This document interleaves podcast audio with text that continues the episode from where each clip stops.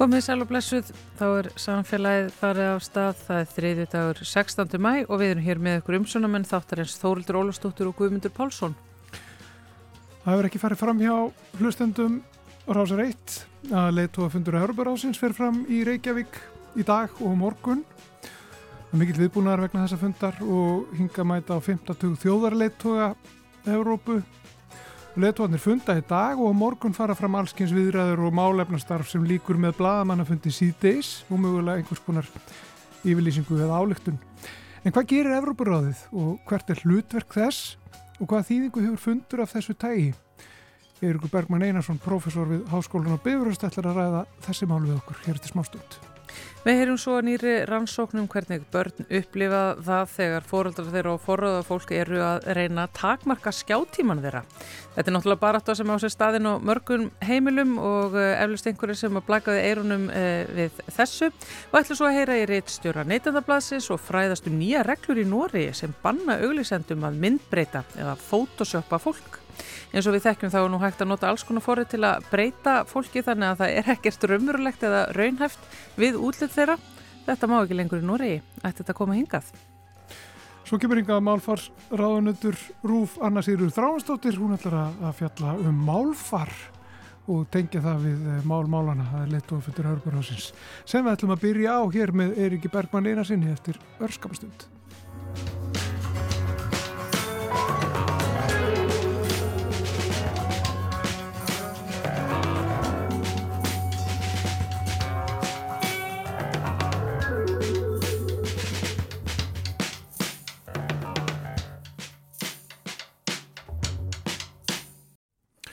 Þá er hann sestur hérna hjá okkur Eirikur Bergman Einarsson, professor við Háskólan og Beifröst.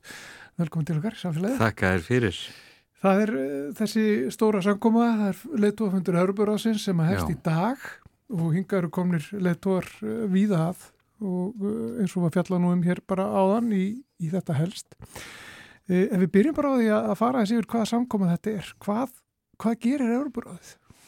Já, Já, Evrópuráðið er þessi breyði vettvangur sem að all flest Evrópuríki eiga aðildað og það er eiginlega það sem gerir kannski samkomuna uh, sérstaka. Það er hversu yfir hversu svona vítt uh, svið í Evrópu hún nær. En grunnurinn er að stöðla að uh, líðræði, mannréttindum og vernd réttaríkisins. Þetta er rauninni markmið Evrópuráðsins þegar það var sett á, á laginnar eftir setni heimstrjöld og hafði, það voru svona hálit markmið fyrir það sem að síðan breytust en í dag er Európuræðið eh, aðalega uh, svona umræðu vettvangur í þingi þessi Strasburg fyrir þingmenn aðeldaríkjana en stóra verkefni Európuræðsins er uh, að halda úti mannreitinda domstól Európu mannreitinda sáttmáli Európu sem sagt Európuræðið er verndari þess Uh, og þetta eru svona aðal uh, hlutverkið en það misti svona sitt pólitiska vægi við tilkomu Evrópusambansins á sínum tíma. Og við getum farið yfir það, forsögun og bakvið það sem er endar svo litið áhugavert. En síðan hefur það uh, hlotið aukið mikilvægi stundum þar að segja þegar að eh, sko sérstakar aðstæður hafa komið upp þar sem að kannski hefbundu stopnarna sem ná ekki yfir eh, öll ríkin uh, sko þurfa einhvers konar annan vettvang fyrir ákveðna þætti. Þetta gerist til dæmis eftir fall Berlínamúsins. Þá um, varð mikil þörf fyrir einhvern vettvanga sem að vestrið og austrið getur komið saman. Európa-sambandi verði ekki tilbúið til að taka við ríkjónum uh, þá beint vegna alls sem að því fylgir. Og þá var það Európa-ráðið eins konar fordýri aðildar austur-Európa-ríkjana Európa-sambandinu og síðan er það svona, verður það ákveð svona bandstrygg yfir til Rúslands þegar að Rúsland var svona á leiðinni að verða banda, rík, bandalagsríki uh, vesturlanda og allt þar til að uh, í rauninni þeir innleima krím árið 2014 og og það, þá hafa þeir eh, ekki verið með síðan þótt svo að brottingin hafi ekki komið fyrir lungus setna en eh, leittóanir hafa koma yfirlt ekki saman. Þeir komið nokkur sinu saman eftir uh, fall múrsins út af þessum hlutum. Og svo er það núna út á grænustriðinu og það má segja að Úkrænustríðið hafi aukið mikilvægi þess núna eða gæti gert það að finna eftir hvernig þessi fundur fer. Já. Hver eru þá tengsl Európarásins og Európusambatsins? Þetta, margir Já. hugsa sko að þetta hljóta vera bara hluti af Európusamtinu nánast sko. Já, það er náttúrulega líka át af því að það er til... Það eru breytar til dæmis? Það er til ná, sko, nánast sko samnemnd stopnun innan Európusambatsins sem er áþurraráðið, mm. European Council og þetta er hérna Council of Europe. Þannig að maður vona fólk rugglist á þessu, deila sko einnkynnislægi og einnkynnisfána Um, forsagan er svo að í rauninni strax á milli stríða þá fara fyrir að stað umræða um einhvers konar um, bandalag Evrópuríkja sem er það að komast á svo skellir setni heimstyrjöldin á og áður en henni líkur þá fara menna dusta ríkið af uh, þessum hugmyndum um uh, einhvers konar uh, samstarf Evrópuríkja, kerfisbundi samstarf Evrópuríkja. Winston Churchill fórsetsra þegar Breitlands kallaði mikið eftir því og síðan gerist það eftir eftir að styrjaldurinn líkur já, Winston Churchill held þetta með frægaræðu í, í Surik, það sem hann kallaði einfallega eftir bandaríkjum Evrópu, að þá er koma menn saman um, í Haag um, árið uh, 1948 750 svona framámenn úr álfunni og ákveð að setja á fót uh, bandarlag Evrópuríkja og það má kalla European Council og það eru tíu ríki sem að koma að þessu stoppsett 49 og þá þegar var komið fram tölverð mikil metnaður með að leittóa margra Evrópuríkja um að koma á bitastæðu bandalagi sem hefði ákvarðana töku vald en fram að því hefði alþjóðstofnanir verið veikburða vegna þess að hvert og einasta aðildaríki hafði stöðut neitunavald, þetta hafði gerst með þjóðabandarlega og millistríða sem hafði runið og um, uh, menn voru á því að það þyrti meiri ákvarðanatökuvald heldur en bara lægsti samnefnari myndi alltaf ákvarða alla ákvarðanatöku. En brettar voru ekki tilbúin til að veita Európuráðinu uh, ákvarðanatökuvald og utaríkisra á þeirra þeirra Ernest Beven, hann rauninni beitti sínu neitunarvaldi við eh, stoppsetningu Evrópuráðsins og hafnaði því að bandalagi fengi ákvarðan tökuvald. Og þá gerist það eh, þegar að það er stoppsett, þarna 49, og þá gerist það að á meilandinu taka sér saman sex ríki um að stopna það sem við þekkjum í dag sem Evrópusambandið, sem hefur þetta ákvarðan að tökuvald og verður hinn pólitíski vettvangur samstarfs í Evrópu og þegar að það gerist að þá í rauninni verður Evrópuráðið það svona dagar uppi sem þessi almenni umræðu vettvangur en fær þó þetta uh, vægi sem að domstólinn er og það er raunverulegt vægi. Ó. Ef við vikið það eins að því sem á að ræða hér á, á þessum fundi. Það er stríðið í Úkræna, það er innraflúsa í, í, í Úkrænu. Mm -hmm. um, það hefur komið fram sko að uh, eitt af markmiðunum sem er annars að ná saman og gerð sérstaklega skrár um það tjón sem rúsar hafa valdið með innrásin í Úkrænu og mögulega greiðslu bóta vegna þessa tjóns. Mm -hmm. Er þetta ákvörðum sem þetta sem eru bara að geta tekið sko og hefur það hefur, hefur það eitthvað svona vald til þess að, að skikka rúsa til að hafa sér á, á ykkur nákvæðin átt? Stuttasvari við þeirri spurningu er bara einfalt nei, svo er ekki en leiðtógarnir geta auðvitað tekist líka ákvörðun uh, saman uh, og uh, að gefast líka uh, yfirlýsingu sem verður þá kent við Reykjavík en það er sko það getur verið allt frá almennt uh, orðaðri sko uh, yfirlýsingu sem allir geti, geta uh, fallist, fallist á og felur kannski ekki meira, mikið meira í sér heldur en almenna yfirlýsingu. Um, yfir í að uh, það verði uh, sko líst yfir sér, sértækum aðgerðum og hvernig menn þá sjáu sjáu fyrir sér að nýta Uh, slíka uh, skrá bæði í að takast á við styrjölduna en ekki síður og, og öllu heldur raunar um, í kjölfar þess að henni vonandi líkur nú uh, eitthvað tíman og þá þarf við þetta að gera þetta uh, máli einhvern veginn upp. Þannig að, að, að tjónaskrá sem þessi getur skipt uh, tölvert miklu máli. En það er ekkert fast í hendi með það. Og þessi sko 46 ríki hafa sko ólíkar eh, ólíka afstöðu til einstakra þátt að þarna, það er alveg ljós sko. Já. Og beitt stuðningur við, við Úkrænu í þessum átökum, hann hefur verið mismikill með það ríkjana?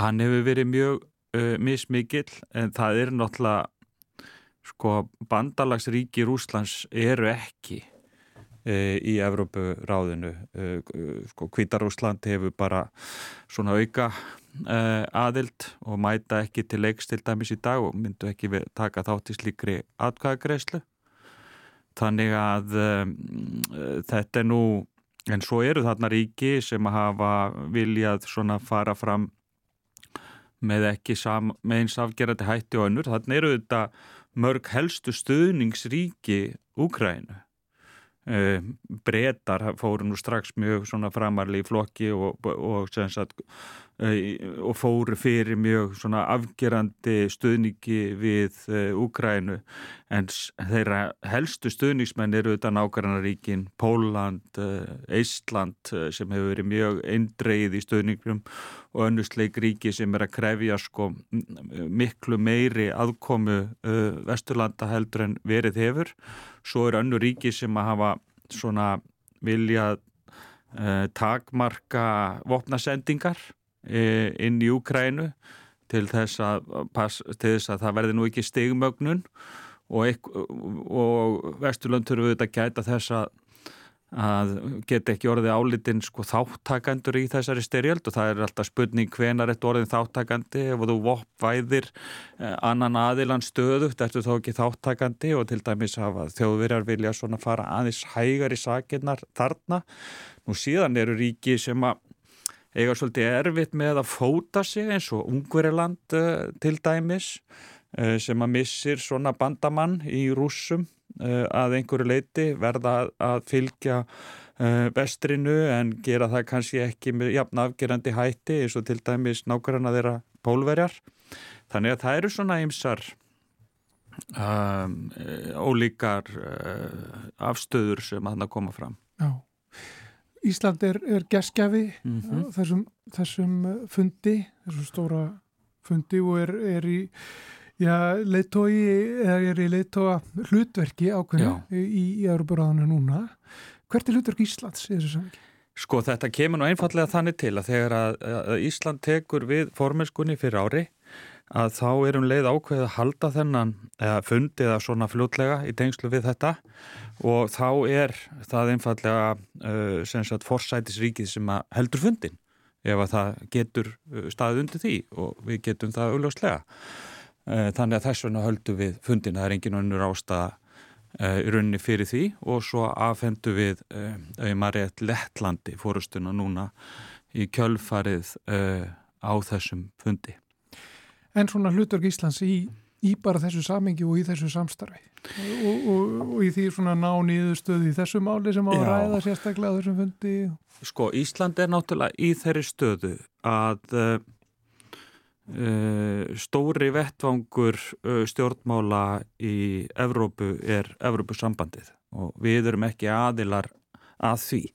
Þannig að fyrir okkur er Evrópuráði mikil vægara heldur en fyrir sko aðildaríki Evrópusambansin sem að hafa þann vettvang til stu, sko þar koma leittóði saman á sex mánuða fresti uh, öll ár, alltaf. Þannig að það er allt öðruvísi.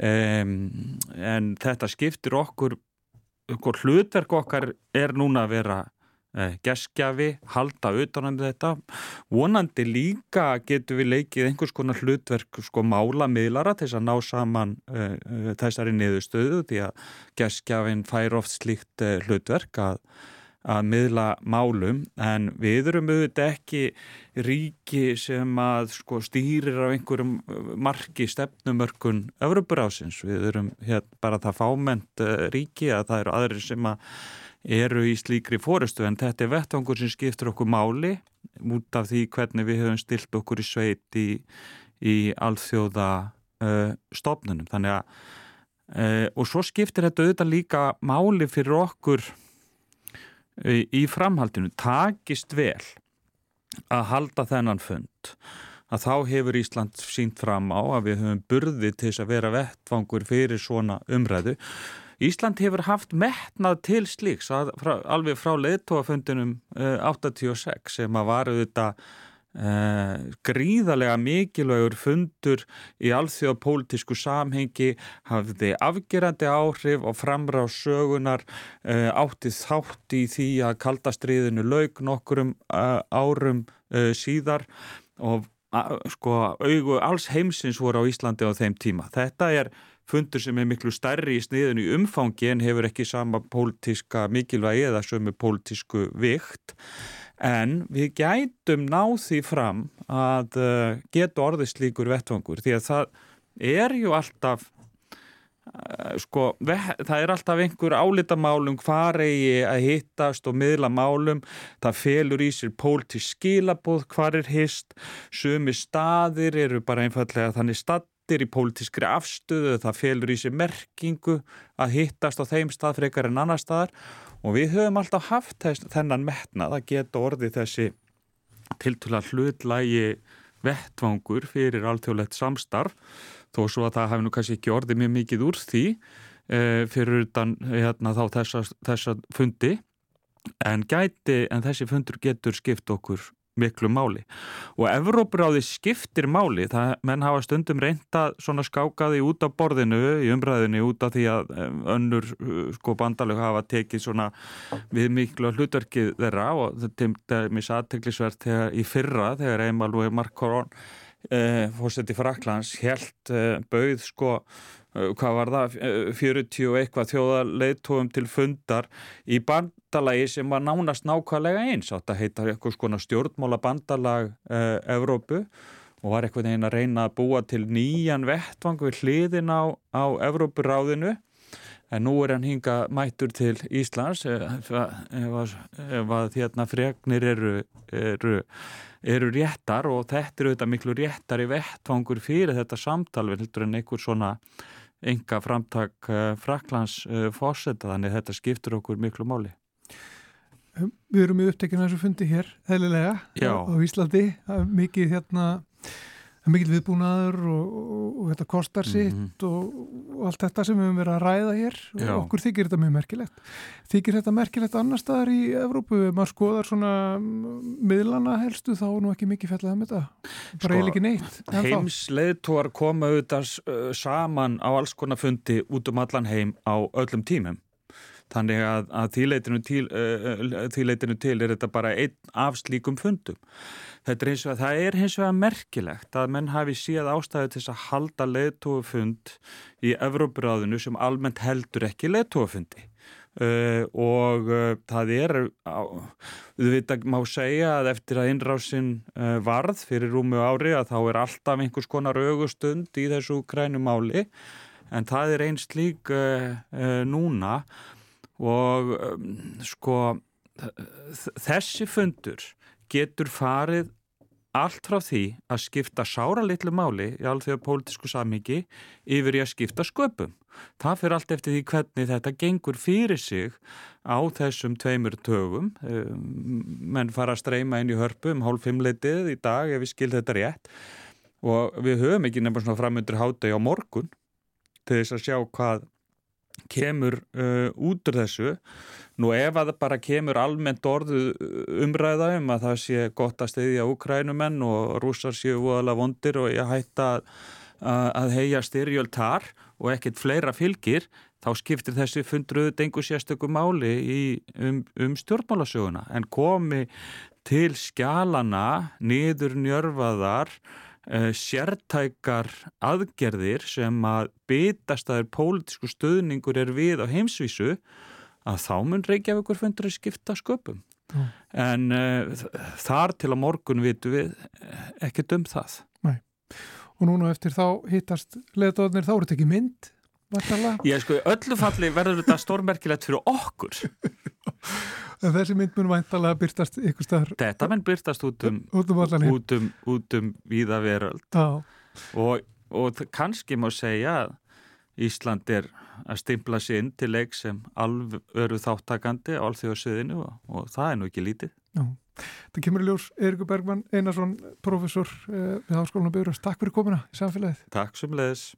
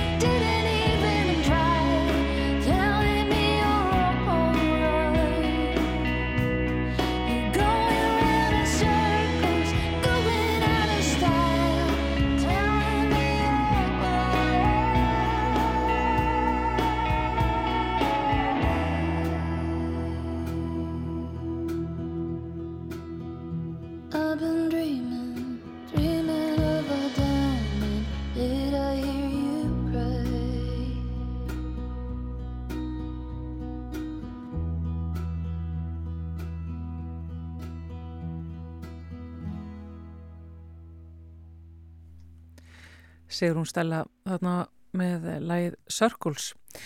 En uh, þá höfum við fengið hingað til okkar málfarsraðunut Rúf, hannu séri Þráhansdóttur uh, sem að er að halda í höndina á fréttastofinni núna sem að er að fara yfirum í tengslu við leitofundin bara eins og allir virðist vera sælvertu hana. Komði sæl. Hvað ertu svona helst að fara yfir tengdum málfari og þessum leitofundi? Ég er nú kannski ekkert mikið að reyna að koma því að núna. Það er svona heldur að við, við, við erum auðvitað bara að benda fólki á uh, að fara rétt með titla og, og svo líka bara til dæmis uh, gaman að benda á hérna að þýðingamiðstu utaríkisraðunniðisins, þar er hægt að finna sko öll íslensk heiti á öllum svona evrópskum stopnunum og, og, og svona þessu stóra batteri í öllu saman, þeir eru búin að leggja mikla vinnu í það, íslenska það allt saman og við erum svona að vísa fólki á það. En eitt af því sem að, sem að aðtekli mín var vakina og ekki fyrsta sinn svo sem ég hef oft talað um það áður við starfsfólk, samstagsfólki, það er hvernig við förum með erlend nöfn. Já. og uh, megin reglan er svo þegar við erum að tala um og við uh, gesti sem hinga að koma eða segja fréttir frá útlöndum eða, eða hvað eina þá notum við eftirnöfn svona svo sem er svo venja er í flestum löndum að nota eftirnöfn fólks það sem við höfum eins og að tekið eftir hér er að það er ákveðin tilneying til þess að nota fornöfn erlendra kvenna fremur en eftirnöfnin og þetta er yfirleitt aldrei gert með erlenda? Já. þetta er mjög áhugavert og aðtilsvert Og verði ég að segja Eftir hennar kallana þá. Eftirnöfnkallana eru Jaha. notuð og ég er hérna með eitt dæmi sem að, sem að hérna, stóð nokkra hríð á vefnum hjá okkur uh, þar sem að Úrsula von der Leyen var bara kölluð Úrsula og það í sömu setningu og talað var um, um fórseta Úkrænu með eftirnafni setningin var nú bara þannig að kanslari Þýskalands sem var ekki reyndar nefndur og nafn þarna í þessari setningu Úrsula og hugsanlega Selenski á leið til Íslands Mhm. Og þetta stingur bara svolítið í augun að sjá þetta uh, vegna þess að þarna hefðu þetta átt að standa bara uh, samkvæmt venju kanslari Þýskalands von der Leyen og, og Selenski leið, hugsanlega Selenski á leið til Íslands Já. Hvað heldur að uh, Valdi ský- þessu? Já, skýr þetta eiginlega. Er það eitthvað svona félagsfræði og, og, og, og Sko, málvísindi? Það öruglega, ég er alveg vissum að, að, að ímsir sérfræðingar í fjölsmálvísindum og kynjafræði og hinn og þessu gætu komið með einhverju skýringar á þessu. Eh, Mér dættur bara stundum í huga að þetta sé einhvern veginn, að okkur finnist einhvern veginn eðlilegra að tala um og við konur með fornafni, erlendakonur. Já. Þetta var algengt uh, þegar Hillary Clinton var í fórsetaframbóði. Það var mjög rík tilnefing til að tala alltaf um hana sem Hillary Já. og það gerði reyndar keppinuturinn, Donald Trump Já. og gerði það ábygglega ákveðnum tilgangi að, að setja hann að skora lægra en svo var það kannski líka ákveðin flækja að, hérna að ruggla henni saman við eiginmannin Bill Clinton Já, já. en, en þetta svona uh, kannski einna síst Angela Merkel sem hefur verið kölluð fórnamni en það er ekkit óalgengt að við sjáum talað um Mette Freykarn Fröðriksen og já Sanna Marín er nú líka Já, hún er alltaf- vinsæl, sko, En þannig að þá væri þetta einmitt. Við myndum þá tala um Metti og Makrón. Já, fáránlegt. Já, það er mjög skrítið um að gera þetta og, og þetta, ég te tekið eftir þessu en svo er annað sem hefur líka vakið aðtekli mína í sambandi við svona notkun uh, erlendra nafna eða hvernig meðferð þeirra og það er að það er ríkari tilneying og sérstaklega ég tek náttúrulega svolítið mikið eftir þessu hér innan hús í okkur dagskrargerða fólki að það er ákveðin tilneying hjá yngra dagskrargerða fólki að nota bara fornöfn. Og þá gildir kynið einu engum, skiptir engum máli. þá er það bara við um öll kyn. Já, þau eru já. óformlegri. Og stundum á það ágætlega við. Ég menna hér var langur þáttur uh, á bók, þegar bókmyndaháttíð var hér þá var langur þáttur, viðtalsþáttur við, við Erlendar Rítumund sem var notað og fornafni hans var notað í gegnum allan þáttin og það var allt í lægi og það var alveg eðlilegt. Það hefði meira sig að vera kannski pínlítið skrítið að nota það ekki Já. en að sama skapi þá auðvitað uh, förum við ekki þannig með erlend nöfn þeirra sem búsett eru hér á landi Mhm. bara við tölum ekki, við köllum ekki fórsetta frúna Rít, við köllum hana Elísu Mhm. og það sama bara við um alla aðra sem byrja erlend nöfn sem búa hér á landi Já. þannig að það gildi og það, þá erum við að sko, ef við myndum ekki gera það þá værum við að vissu leiti að útilaka þau þá værum við að Ekki að taka það inn í Tak- íslenska málhefð. akkurat, þá værum við að, að þá fengi þau ykkur sér meðferð sem að sem er mjög, væri mjög óviðandi. Þannig að þetta er alls ekkert einfalt, þetta er frikaflókið. En allan, allan í tengslu vinna leitofund, þá er allan gott að hafa þessa bara þauðmálbyttareglu fyrir alla, Já. öll þau sem eru að fjalla um þetta núna. Já, við tölum bara, um- notum bara eftir nöfnin. Já. En beigingar á, á nöfnum. Já, það er líka eitt sem að vefst alltaf fyrir fólki og það er líka ákveðin tilneying til þess að, að beigja, setja ekki beigingarendingar á, á erlend nöfn í íslensku. Það er verið að nota í, í íslensku, íslensku samengi og íslensku máli. Og það eru nú svolítið svona ólösa leiðbenningar um hvernig eigi að gera þetta og til dæmis eru, eru reglu, íslenskar svona reglur eða viðmjöna reglur um, um eftirnöfn beigingu eftirnafna, íslenskra eftirnafna þær eru daldið sérstakar vegna þess að við beigjum eftirnöfn íslenskra kalla en ekki íslenskra kvenna Það er þannig, já.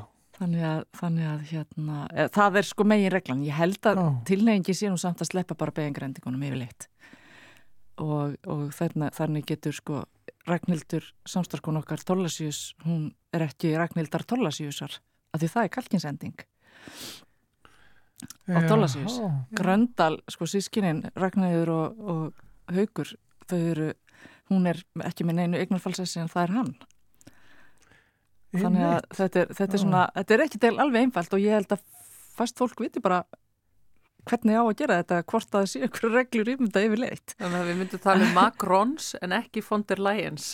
Já, nefnilega, sko, þar, þar liggur einmitt hérna munurinn. Þannig að við, og það sem að ég hef tekið eftir er að það er ákveðin tilnefing til að sleppa þessu eignafalsessi og eignafalsessi á ekkert alltaf við. Hva, hvað hefur við við eitthvað eignafalsessi að gera á asískum nöfnum Mhm. sem að, sem að lúta einhverjum allt öðrum lögmálum heldur en okkar germansku og, indoeurúsku nöfn. En, en það er þetta sko, svo erum við með reglur um það sem að segju, við segjum sko, við, það er fínt að setja, ég segi það er fínt að setja uh, annarkvort eignarfalls S á fornafnið eða bæðinöfnin, fornafn og eftirnafn. Eða, uh, en, ne, það er að segja, en ekki á eftirnafnið og sleppa því að setja á fornafnið. Þá er þetta orðið flókið. Þannig að Jésús, ég ætla bara ekki að, ég ætla ekki að nefna neitt á nafn reyna að forðast það. Nei, þetta er svo Stressa sem, og svo þegar þið noti bara eftirnafnið þá reynum við að setja eignarfalls S og það alltaf líka. Já. Þannig að Þetta er. Já, já. Hanna Sýrið Fransdóttir, það er margt sem að það, kvíli mikið á þér núna á. Já, ekki, á mín, ekki með margra annar herðum. Nei, nei, það, er reynda rétt en við ætlum að fara að hleypa þér aftur hér fram, Eh, þú þarft að sinna hér málgæslu ja, og ætlum að leiða þær að gera það Takk fyrir komin Anna Sýrið Þráðansdóttir Málfarsráðanötur Takk.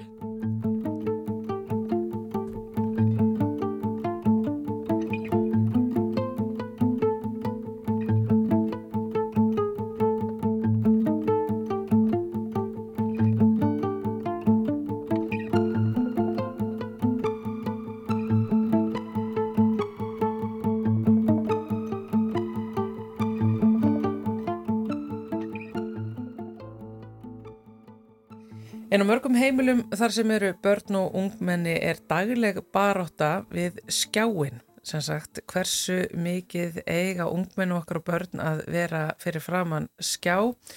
Það eru alls konar reglur og viðmið og foreldrar og aðstæðendur eru að reyna að fylgja þessu og oft gengur það vel en stundum bara gengur það alls ekki. Þetta er sem sagt eitthvað sem við könnumst flest öll við og uh, því hvet ég ykkur til þess að hlusta á það sem við ætlum að ræða hér næst í samfélaginu. Það er uh, um rannsókn uh, sem að tveir hjúgrunafræði nemar uh, unnu. Það heita Freyja Ósk Þórustóttir og Unnur Elva Reynistóttir og þar eru sestar hérna hjá okkur sælarveriði. Hæ. Þið eruð að skoða skjánótkun íslenskar barna og upplifun barnana af aðkomi foreldra að skjánótkun. Þið eruð sem sagt já. í rauninni að skoða rifrildið sem á sér stað, er það ekki? Má ekki bara segja það? Jú, svona í rauninni. Já, við erum að skoða þetta frá uh, sjónarhóndi barnana. Já, hvernig þau upplifa okkur. Já, að við förum lengra, þá skulum við kannski tala um þetta er hluti af alveg risa stóru dæmi, eða ekki? Þessi, þessi litla rannsókn ykkar. jú, Jú. þetta er sem sagt hluti af uh, doktorsverkefni Hildar Ingu Magnadóttur sem að er að skoða þessa hluti í sínu doktorsverkefni. Og uh, áður en að við kannski uh, fáum að vita hvað börnunum finnst um aðfinnslur okkar fóreldrana, leggjum aðeins línutnar varðandi það bara hvað er verið að tala um í skjánútkun og hvað vitum við um þetta aðgengi á, á, á skjánum og það allt. Alltaf þessu í rannsókninu okkar þá eru bara langflest börn með aðganga að skjátækjum eins og það farsima tölvum, leikjatölvum, allt þetta sko spjaltölfur. Þetta eru mörg tæki bara. Já, bara fullt af tækjum sko og þau eru bara, okkar rannsóknir er frá 9 til 16 ára Mm. og eiginlega bara öll börnin eða ekki höfðu aðganga að þessu. Já, og þetta er náttúrulega bara aukinn tæknithráun og mörguleiti náttúrulega bara í algjörum takti við bara nútíman. En þetta er eitthvað sem við þurfum að hafa gætur á og þá hvers vegna? Já, alltaf þetta verið tengt við bara verri svefn og eins og svona mikið kyrsetak eða kyrsetahagðin er tengt við yfirþyngd og offötu Mm. og einhverju geðsjúkdóma eins og þunglindi og kvíði, þú veist, en við kannski vorum ekki alveg að skoða hjá okkur en svona það sem við lásum okkur til um þá er þetta alveg eitthvað sem þarf að varast. Já, og er, held, haldið þið að fóreldrar séu almennt meðvitaður um að maður eigi að hafa gætur á skjánótkun og, og maður eigi kannski að takmarkana einhver leiti? Það Já. er góð spurning sko. Maður myndi alveg halda það, þau Já. væri nokkuð meðvitið sko, allavega svona þeir sem við höfum talað við. Það kannski var ekki beint í okkar verkefni en maður svona persónulega bara myndi halda það. Já. En Þannig að þetta, þetta er enga fréttir. Nei, ég held ekki sko. Það hefur náttúrulega bara verið mjög mikil umræða um þetta bara síðastliðin ár Mm. um skjánotkun og áhrif hennar og, og hvað þetta er orðið mikið eitthvað, þetta er komið í skólana og þetta er komið út um allt. Já, já. Sko, förum þá aðeins í, í rauninni eh, rannsóknina ykkar. Segið mér betur frá henni. E, þetta er sem sagt, við notuðum gagnasap frá e, fjölmiðlanemnd sem að gerði hérna rannsókn sem að hétt börn á netmiðlar árið 2021. E, þau fóru í 23 grunnskóla og það voru börn frá 9-16 ára. Hún var vissulega stærri en það var svona það sem við tókum og Og við völdum í rauninni bara spurningar úr gagnasafninu þeirra sem að hendaði okkar rannsókn sko, sem kom það meira inn á fóreldrana og þeirra eftirlit og svona og, og unnu með það. Mm. Og hvað kemur ljós? Hver eru niðurstöðunar? Það er náttúrulega bara svo varandi þess að upplifun batna af eftirliti þá er náttúrulega meir, mesta eftirliti bara þegar þeir eru yngst og svo dvínar það með hækkandi aldri. Þannig að við 15-16 ára aldur er eftirliti orðið mjög lítið en í rauninni um, eins og við sáum í nokkur rannsóknum þá er uh, áhættu hefðan barna á þessum aldrei að aukast eins og það bara að samþykja ókunni á samfélagsmiðlum og tala við ókunni á netinu og slíkt. Og, og ég meina, hvað eru þau að nota? Eða hvað eru þau að gera í skjánum? Eru það samfélagsmiðlarnir sem að aukast á eftir þess að vera eldri? Já, það voru þessi fjórir, það var helst hérna Snapchat, TikTok, YouTube og Instagram. Já, já, Það var svona vinsalast sko. Hérna, já, sem eiginlega öll börni voru með aðgangað já. og svo bara minkaði eftirlit fóreldra eftir því sem börni voru eldri. Þú veist það er náttúrulega eins og TikTok og Instagram og þetta, þetta eru nánast svona ávanabindandi sko, þeir eru náttúrulega hönnu þannig að þau bara geta hald, haldið þér nánast í gíslingu Mhm. hausnum á þér og, og síðan er þetta náttúrulega bara opið fyrir uh, umheiminn og það er ekkert, Mhm. það er ekkert allt einhvern veginn, þú getur í rauninni, og veist, á YouTube, þú getur bara dottið inn og bara eitthvað argasta kláma og ofbeldi þar, bara akkurat. óforvarandis nánast. Já. Og það voru um, að meðaltali 86% barna frá 9-16 ára sem að notuðu eða hefðu aðgang á YouTube. Um, en aldurstakmarki á YouTube er 13 ára á samt öllum hinnum miðlunum. Mhm. En samt einhvern veginn uh, hafa börn leifi til þess að nota þessa miðla. Já, þannig að þau eru inn á þessu þó að það sé bannað. En Já. þetta er þá í rauninni bara veist, á fóreldrana Eh, það, þetta er bara þeim að kenna veist, hvað, hvað eru það að sjá varðandi það veist, hva, hvernig er þessi tengslan á milli fóreldrana og barnana þegar kemur að skjánótkun Sko við náttúrulega fengum bara sögur frá börnunum, það var ekki lagt fyrir fóreldra, þannig að við kannski vitum ekki alveg þeirra hlið, en já, við svona vitum helst bara að börnin eru með aðgang að þessum tækjum og, og voru að- bæta við ókunnugum og, og ímislegt, sko. mm. Vo- voru þau að upplifa sem sagt að, fóreldrar væru að, fylgjast með sér Já, þegar allavega yngri börnin, þau upplifðu það mest, sko, og svo Mm. eitthvað hjá þessum eldri, en bara ábyrjandi minna. Já og, og töluðu börnin eitthvað um svona hvernig þau fíluðu að fóreldrar væru að, að skoða og fylgjast með Það var ekki spurt út í það sko. Þetta var alveg bara spurning hvort að fúrildrar hefðu eftirlit með og svo bara huguðu þau já og nei. mm og sk- þegar að þegar þið set takið saman hérna svona ákveðna svona umræður uh, uh, í lokin á, þessu og þið farið þessi yfir það veist, hvað, hvað er það sem að veist, við getum þá einmitt svona tekið með okkur uh, út úr þessari rannsók til þess að, rýna betur í Okkur fannst eða helst þetta með aldurstakmarkin, sko, hvað svona ungbönn eru með aðgang að þessum forritum en ættir raunin ekki að hafa. mm. Þannig að fóreldrarnir getur kannski aðtöfa það betur hvort að nýju og tíra börni er að sé með aðgang að eins og Instagram og Snapchat.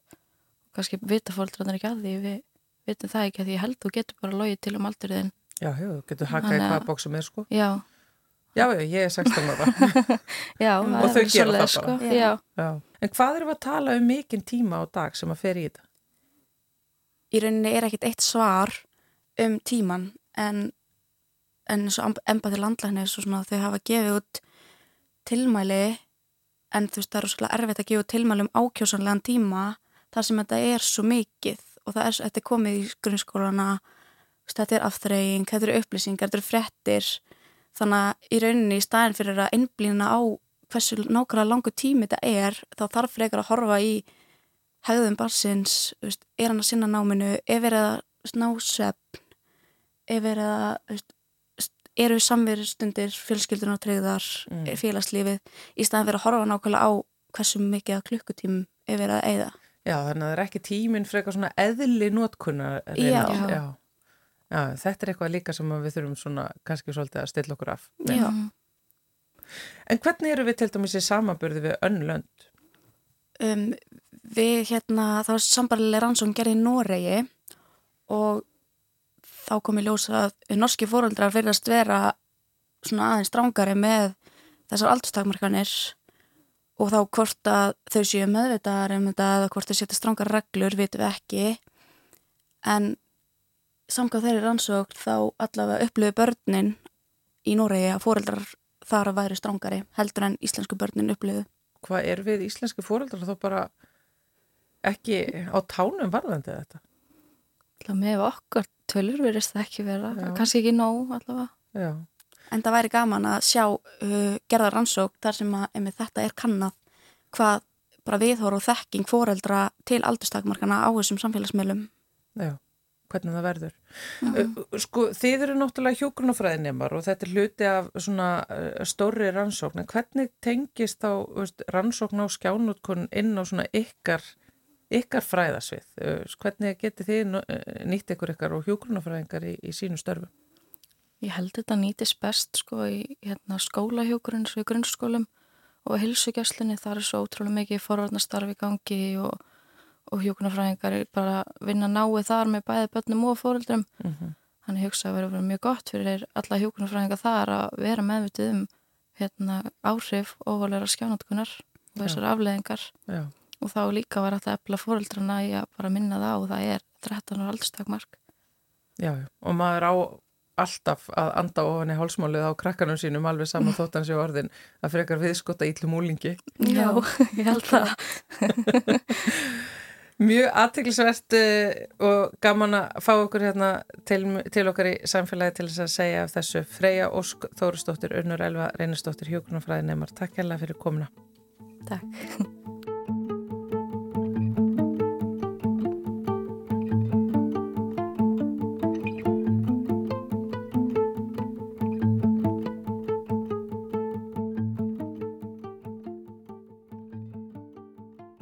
Og þá ætlum við að líta aðeins á neytendamálin eins og við gerum gerðnan hér í samfélaginu með reitstjóra neytendablaðsins Brynildi Pétursdóttur. Sælvertu Brynildur.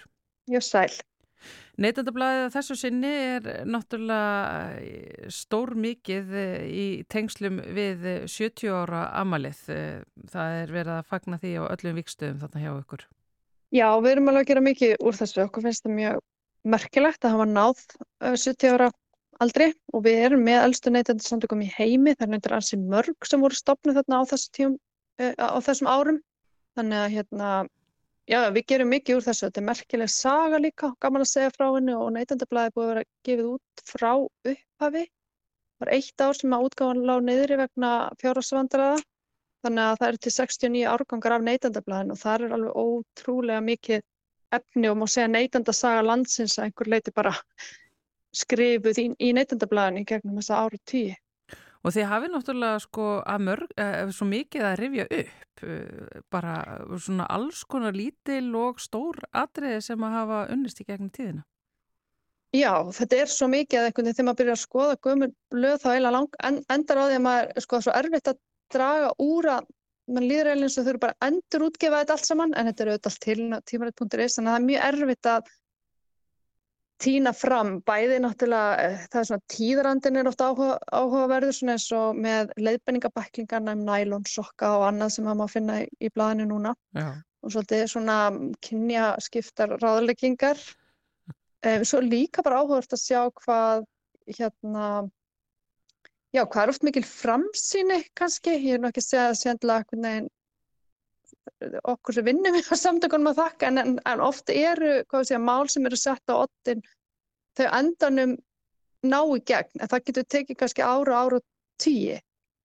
Um, og ég var til dæmis að fletta í morgun, ég var að leita að einhverju og þurfti að fletta í gegnum gömum leitandablöð og þá fann ég til dæmis frá orðinu 89 að það er greinum hvað efni, þess að textill sé orðin hérna lélugur og þetta er bara eitthvað svona vandamál sem við erum að glíma við í dag í, í tengslu við fatasóun og það er ekki að endurnýta hérna efni eins og, eins og var hér í den sko. Var það þannig, þannig að, að það er, efni fyrruð upp ef maður setti þið í þóttavélina eins og maður einhvern veginn upplega núna? Bara, já, bara er ekki þannig vönduð að það sé að endurvinna þau og, og, og bæði ekki að endurvinna og svo bara sauma aftur eitthvað úr efn, efnunum eða úr flíkonum sem hættir að nota mm. að því að bara eftir, já þetta er ekki lengur kannski bómull og náttúrulegt e, eitthvað af þessu er náttúrulega svona plast og svo var farið að já búa til alls konar einhver ný, einhver ný efni sem hver bara ekkert góð líka af því að við erum alltaf að reyna að lækka verð já. auðvitað já. Já, og það e, lifir ekki lengi, það er eitthvað sem við þekkjum öll En svona fyrir utan uh, þessa skemmtilegu sögu og uppröðunir sem þið getur náttúrulega gert í neytendablaðinu þá eru þau nú sann sem að líka að fjalla um neytendamál nútíma, nútímans og eitt af því eru uh, já, myndbreytingar eða fótoshoppið.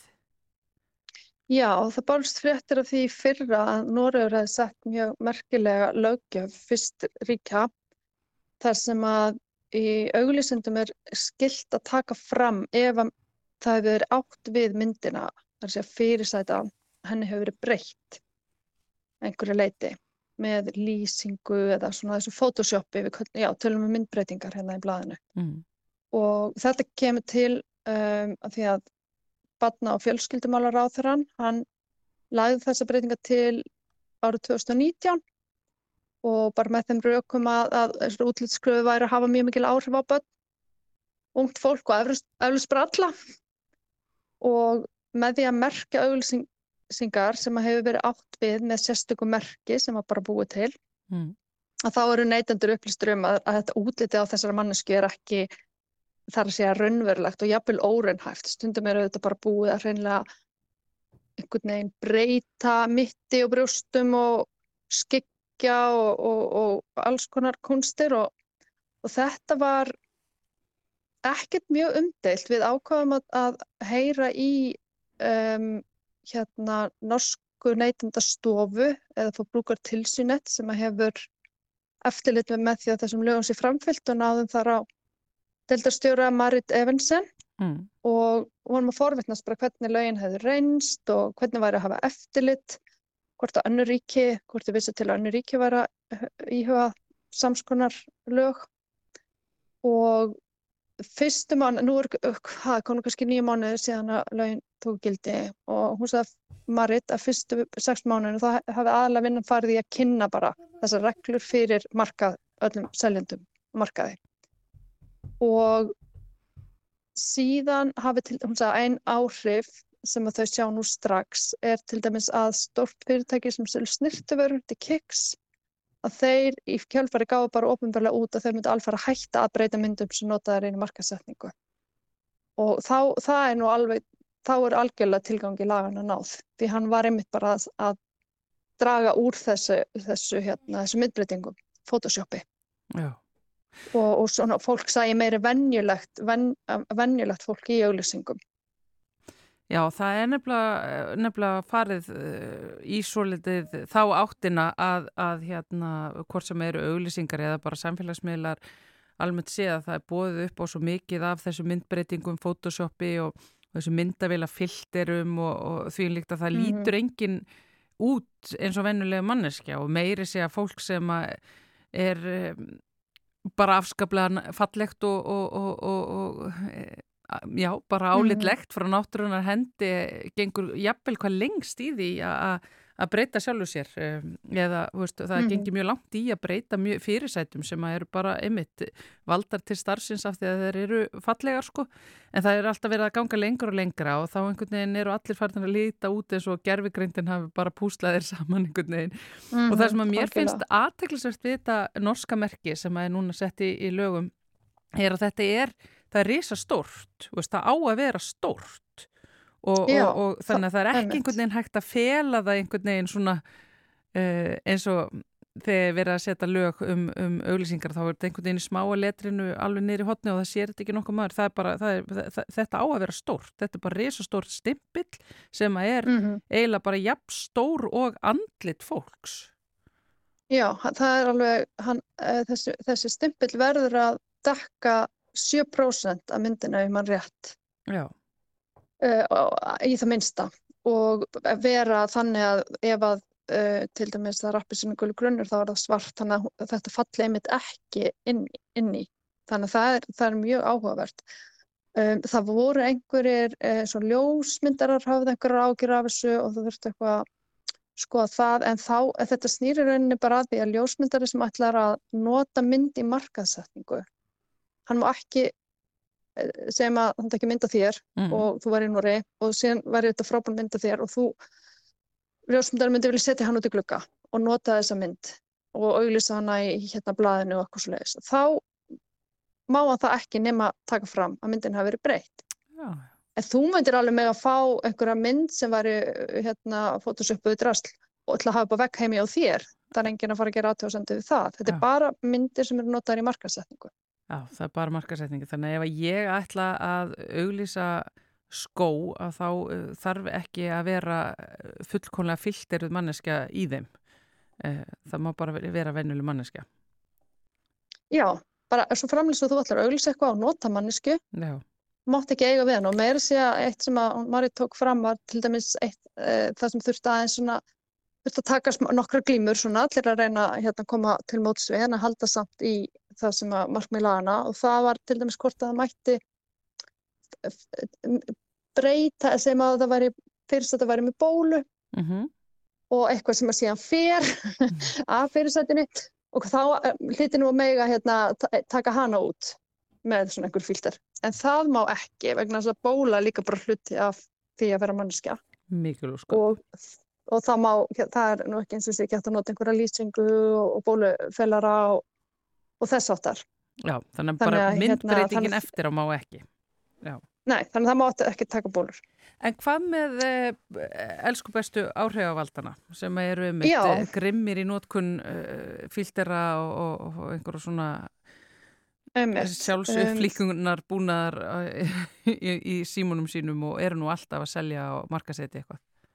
Einmitt, það, þeir, já, þeir eru alveg sérstaklega smásjóni og, og hún segir það, sagði það við, við okkur að, að þetta er hópurinn sem kannski einnig helst hort til og lögin á yfir þá líka. Mm. Svo framalega sem þeir eru að markasetja einhverju þjónustöðu vöru.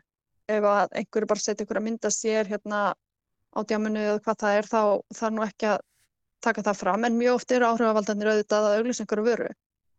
Og það, til dæmis ein spurning sem er kannski svolítið hérna aðkallandi, það er hvernig ætlar þá að hafa eftirliti, hvernig getur hvernig sérðu hvort áhrifavaldurinn er búin að mjúka mitti eða breyta eitthvað í andliti eða hvað það er sem er verið að gera. Og það er ekkert alveg hlaupið að því, um, en þá er hugmyndin að þið noti, að það er einhverju sérfræðingar sem að sjá, sem að geta svolítið séð hvort að það sé búið að breyta, bara, Mhm. bara þekkja, þú veist, á myndu, þessi mynduslu og hvað þetta nú er. Og síðan var jafnvel hugmynd um að vera eitthvað fyrirtæki í Kanada eitthvað sem hægt er að nýta gerfigreind til þess að sjá það. Já. Ekki spyrja mig hvernig þetta er gert en þá er eitthvað svona mm, einhvern veginn hægt að spotta það þegar það er búið að eiga við myndina. Og svo er auðvitað bara eru, eru sektir og annað að- ef að fólk er staðið að þessu þannig að kannski þarf að, þá að vera svolítið einbreyttur brotavilji en þetta er ekkit, það er ekkit einfalt hafa eftirlit með þessu, Nei, nei. svo gefur að skilja. Þetta er allavega stórmerkilegu lög og þó þau séu ekki gömul og þá verður aðteklisvert að sjá hvernig einmitt, e, þetta verður útfart e, betur og einmitt þegar fyrstu Mhm. kannski málinn, dómsmálinn eða ákærurnar fara að koma fram og sektin, sektirnar og þar framöndu göttunum og svo náttúrulega bara Einmitt. hvort að hérna, sjálfsýmynd og andlega heilsa eh, nors fólks, ekki hvað síst norskra ungmenna munir bara ekki snögt um skána við að, að sjá raunhæfar eh, eða myndir af raunverulegu fólki eh, hvort sem eru samfélagsmiðlum eða í auglýsingum. Einmitt, við okkur finnst þetta að vera mjög spennandi og bara má alveg velta fyrir sér hvort að þetta ætti ekki bara heima á Íslandi líka. Ég held að við Þetta ættum er bara klárlega að eiginlega fylgja rauninni þessu komið eftir. út í algjör, algjör vittlusu hvernig fólk er. Já. Já, það, það er alltaf að fólk líti venjulega út lengur sko. Þannig að hérna, þannig að það er eitthvað sem við viðum líka höfum áhuga á að skoða og eins og segir mjög áhugast að fylgjast með hvernig þessu, svona segjum eftir sex mánuði, við munum klárlega að fylgjast með þessu. Hvort, hvernig, hvernig er, er hægt að láta reyna á hvort þið verið að brjóta þessu lög og hvernig er það gert og, og hvernig eru viðbröðin, hvort dæmis fleiri fyrirtæki ákveða að fara þessa leið eins og þessu snirtu veru seljandi þarna bara hreinlega að gefa það út, við notum ekki. Það er mjög, mjög klókt, markaslega, mjög klókt Já. og svona samfélagslega ábyrgt í rauninni. Það segja bara við breytum ekki okkar fyrirsettum. Já. Ég bara segi, get ekki beðið eftir að þetta kemur hérna á Íslandi. Þetta er alveg, þetta er alveg rétt. Þetta er oft komið bara út í algjöru vittlusu þar sem að uh, vera að leggja borð fyrir mann. Einmitt. Brildur Pétursdóttir, reitstjóri Neitatablasins, takk kærlega fyrir spjalli. Já, takk sem leiðis. Og með því ljúku við samfélaginu þennan þriðu daginn. Eitt og annað sem við höfum farið yfir hér. Margt af því snýrist um, eða sumt af því snýrist um uh, funda Európarásins sem er, er núna að hefjast. Já, það er fyrir ekki milli mála. Það er búið að sjást til enga þóttna og þyrla hér sveimi úr efstaleitinu. Skrítni tímar. Spennandi. já við förum að, segja þetta gott. Guðmundur Pálsson og Þóruldur Ólistóttir þakka fyrir sig með hérst á morgun. Verðið sæl.